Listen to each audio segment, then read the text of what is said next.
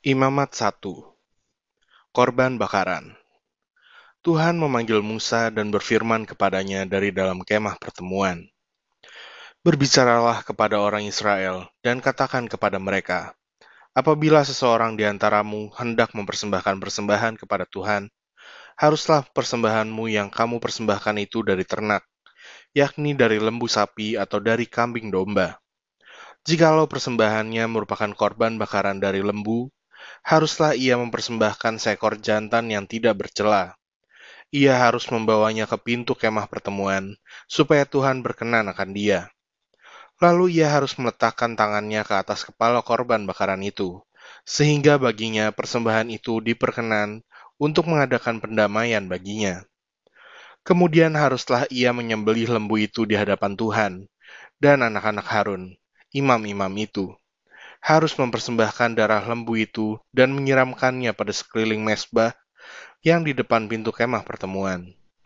Kemudian haruslah ia menguliti korban bakaran itu dan memotong-motongnya menurut bagian-bagian tertentu.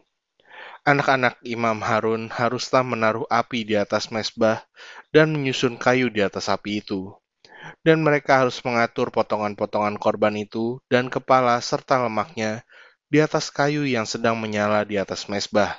Tetapi isi perutnya dan betisnya haruslah dibasuh dengan air dan seluruhnya itu harus dibakar oleh imam di atas mesbah sebagai korban bakaran, sebagai korban api-apian yang baunya menyenangkan bagi Tuhan. Jikalau persembahannya untuk korban bakaran adalah dari kambing domba, baik dari domba maupun dari kambing, haruslah ia mempersembahkan seekor jantan yang tidak bercela. Haruslah ia menyembelihnya pada sisi mesbah sebelah utara di hadapan Tuhan Lalu haruslah anak-anak Harun, imam-imam itu, menyiramkan darahnya pada mesbah sekelilingnya. Kemudian haruslah ia memotong-motongnya menurut bagian-bagian tertentu, dan bersama-sama kepalanya dan lemaknya diaturlah semuanya itu oleh imam di atas kayu yang sedang menyala di atas mesbah.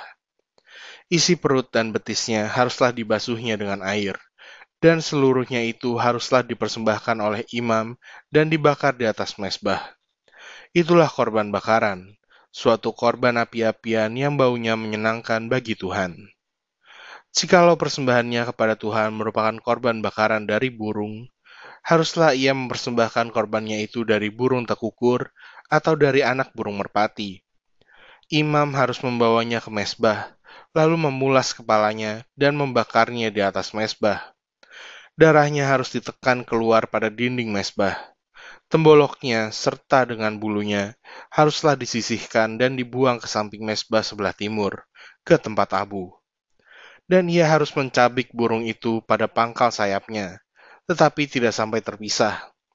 Lalu imam harus membakarnya di atas mesbah, di atas kayu yang sedang terbakar. Itulah korban bakaran, suatu korban api-apian yang baunya menyenangkan bagi Tuhan.